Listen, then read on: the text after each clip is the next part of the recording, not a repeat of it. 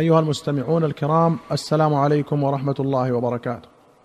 واهلا وسهلا بكم إلى حلقة جديدة في برنامجكم جامع السنة.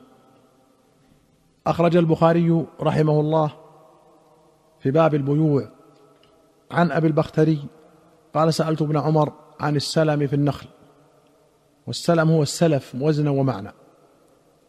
فقال نهى رسول الله صلى الله عليه وسلم عن بيع النخل حتى يصلح.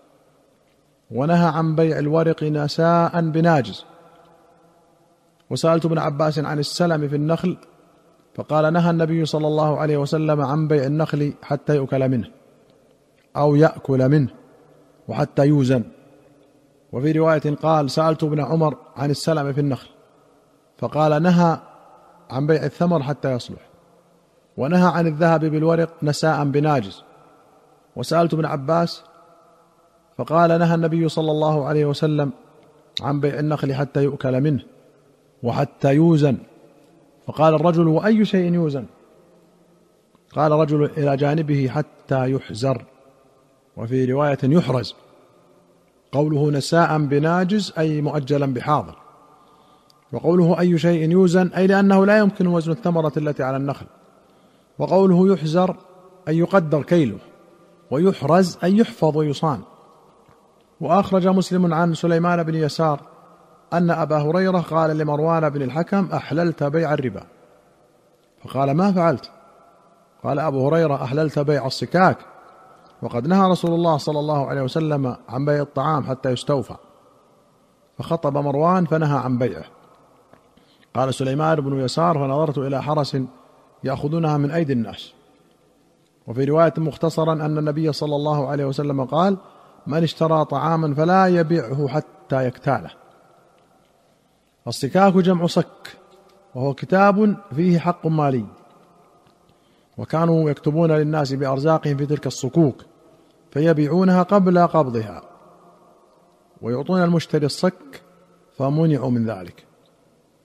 وأخرج مالك والشافعي والبيهقي في السنن بسند صحيح عن نافع عن ابن عمر أنه اشترى راحلة بأربعة أبعرة مضمونة عليه يوفيها صاحبها بالربده وأخرج البخاري عن أبي بردة قال قدمت المدينة فلقيت عبد الله بن سلام. فقال انطلق إلى المنزل فأسقيك في قدح شرب فيه رسول الله صلى الله عليه وسلم وتصلي في مسجد صلى فيه النبي صلى الله عليه وسلم. فانطلقت معه سقاني سويقا وأطعمني تمرا وصليت في مسجده. ثم قال لي إنك بأرض الربا فيها فاش. فإذا كان لك على رجل حق فاهدى إليك حمل تبن أو حمل شعير أو حمل قت فلا تأخذه فإنه ربا. السويق طعام يتخذ من مدقوق الحنطة والشعير. وقوله إنك بأرض هي ارض العراق والقت علف الدواب. قال ابن حجر قوله فإنه ربا. يحتمل أن يكون ذلك رأي عبد الله بن سلام رضي الله عنه وإلا فالفقهاء على أنه إنما يكون ربا إذا شرطه ولكن الورع تركه بلا شك. باب الرهن والقرض والسلم. أخرج البخاري ومسلم عن عائشة رضي الله عنها قالت اشترى رسول الله صلى الله عليه وسلم من يهودي طعاما بنسيئة وأعطاه درعا له رهنا. وفي رواية اشترى طعاما من يهودي إلى أجل ورهنه درعا له من حديد. قال النووي فيه جواز معاملة أهل الذمة وجواز الرهن وجواز رهن آلة الحرب عند أهل الذمة وجواز الرهن في الحضر وبه قال الأئمة الأربعة والعلماء كافة وقد أجمع المسلمون على جواز معاملة أهل الذمة وغيرهم من الكفار إذا لم يتحقق تحريم ما معه. لكن لا يجوز للمسلم أن يبيع أهل الحرب سلاحا وآلة حرب ولا يستعينون به في إقامة دينهم ولا بيع مصحف ولا العبد المسلم لكافر مطلقا. وأخرج البخاري عن أبي هريرة أن رسول الله صلى الله عليه وسلم قال الرهن يركب بنفقته إذا كان مرهونا ولبن الدر يشرب بنفقته إذا كان مرهونا. وعلى الذي يركب ويشرب النفقة. قوله الرهن أي المرهون ولبن الدر أي لبن ذات الدر. قال ابن حجر فيه حجة لمن قال يجوز للمرتهن الانتفاع بالرهن إذا قام بمصلحته ولو لم يأذن له المالك. وهو قول أحمد وإسحاق وطائفة. وذهب الجمهور إلى أن المرتهن لا ينتفع من المرهون بشيء. وتأول الحديث لكونه ورد على خلاف القياس من وجهين. أحدهما التجويز لغير المالك أن يركب ويشرب بغير إذنه. والثاني تضمينه ذلك بالنفقة لا بالقيمة.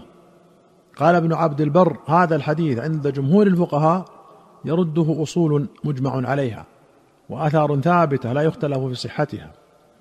ويدل على نسخه حديث ابن عمر لا تحلب ماشية امرئ بغير إذنه. والله أعلم ونسبة العلم إليه أسلم. وأخرج البخاري ومسلم رحمهما الله عن ابن عباس رضي الله عنهما قال قدم رسول الله صلى الله عليه وسلم المدينة وهم يسلفون في الثمار السنة والسنتين. والإسلاف ويقال السلف هو إعطاء الثمن في الحال وأخذ السلعة بعد. والسلم والسلف واحد كما تقدم إلا أن السلف يطلق على القرض أيضا. قال قدم رسول الله صلى الله عليه وسلم المدينة وهم يسلفون في الثمار السنة والسنتين.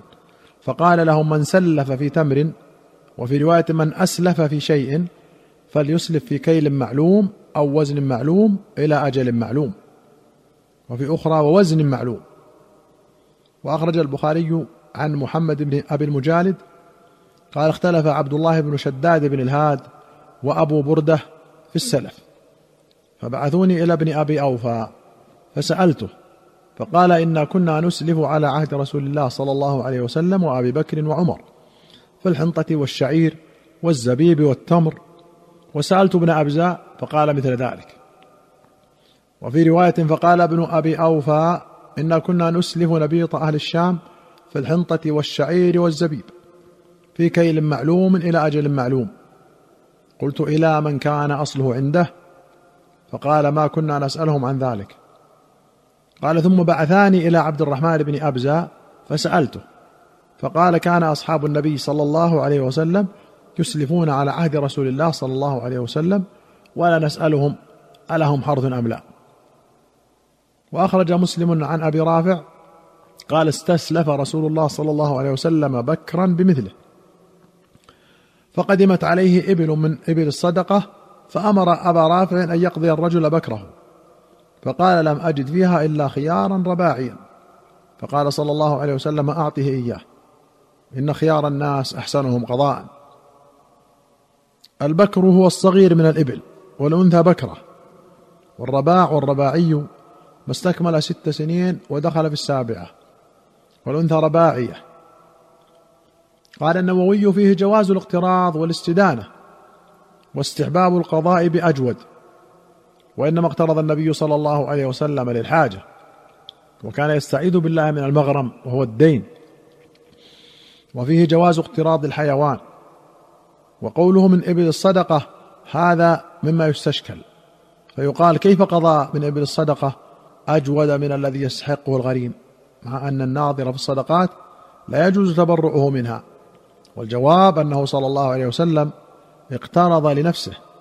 فلما جاءت إبل الصدقة اشترى منها بعيرا رباعيا ممن استحقه فملكه النبي صلى الله عليه وسلم بثمنه وأوفاه متبرعا بالزيادة من ماله. ويدل على ما ذكرناه رواية أبي هريرة الآتية أن النبي صلى الله عليه وسلم قال اشتروا له سنا. فهذا هو الجواب المعتمد وقد قيل فيه أجوبة غيره. أيها المستمعون الكرام إلى هنا نأتي إلى نهاية هذه الحلقة. حتى نلقاكم في حلقة قادمة إن شاء الله. نستودعكم الله والسلام عليكم ورحمة الله وبركاته.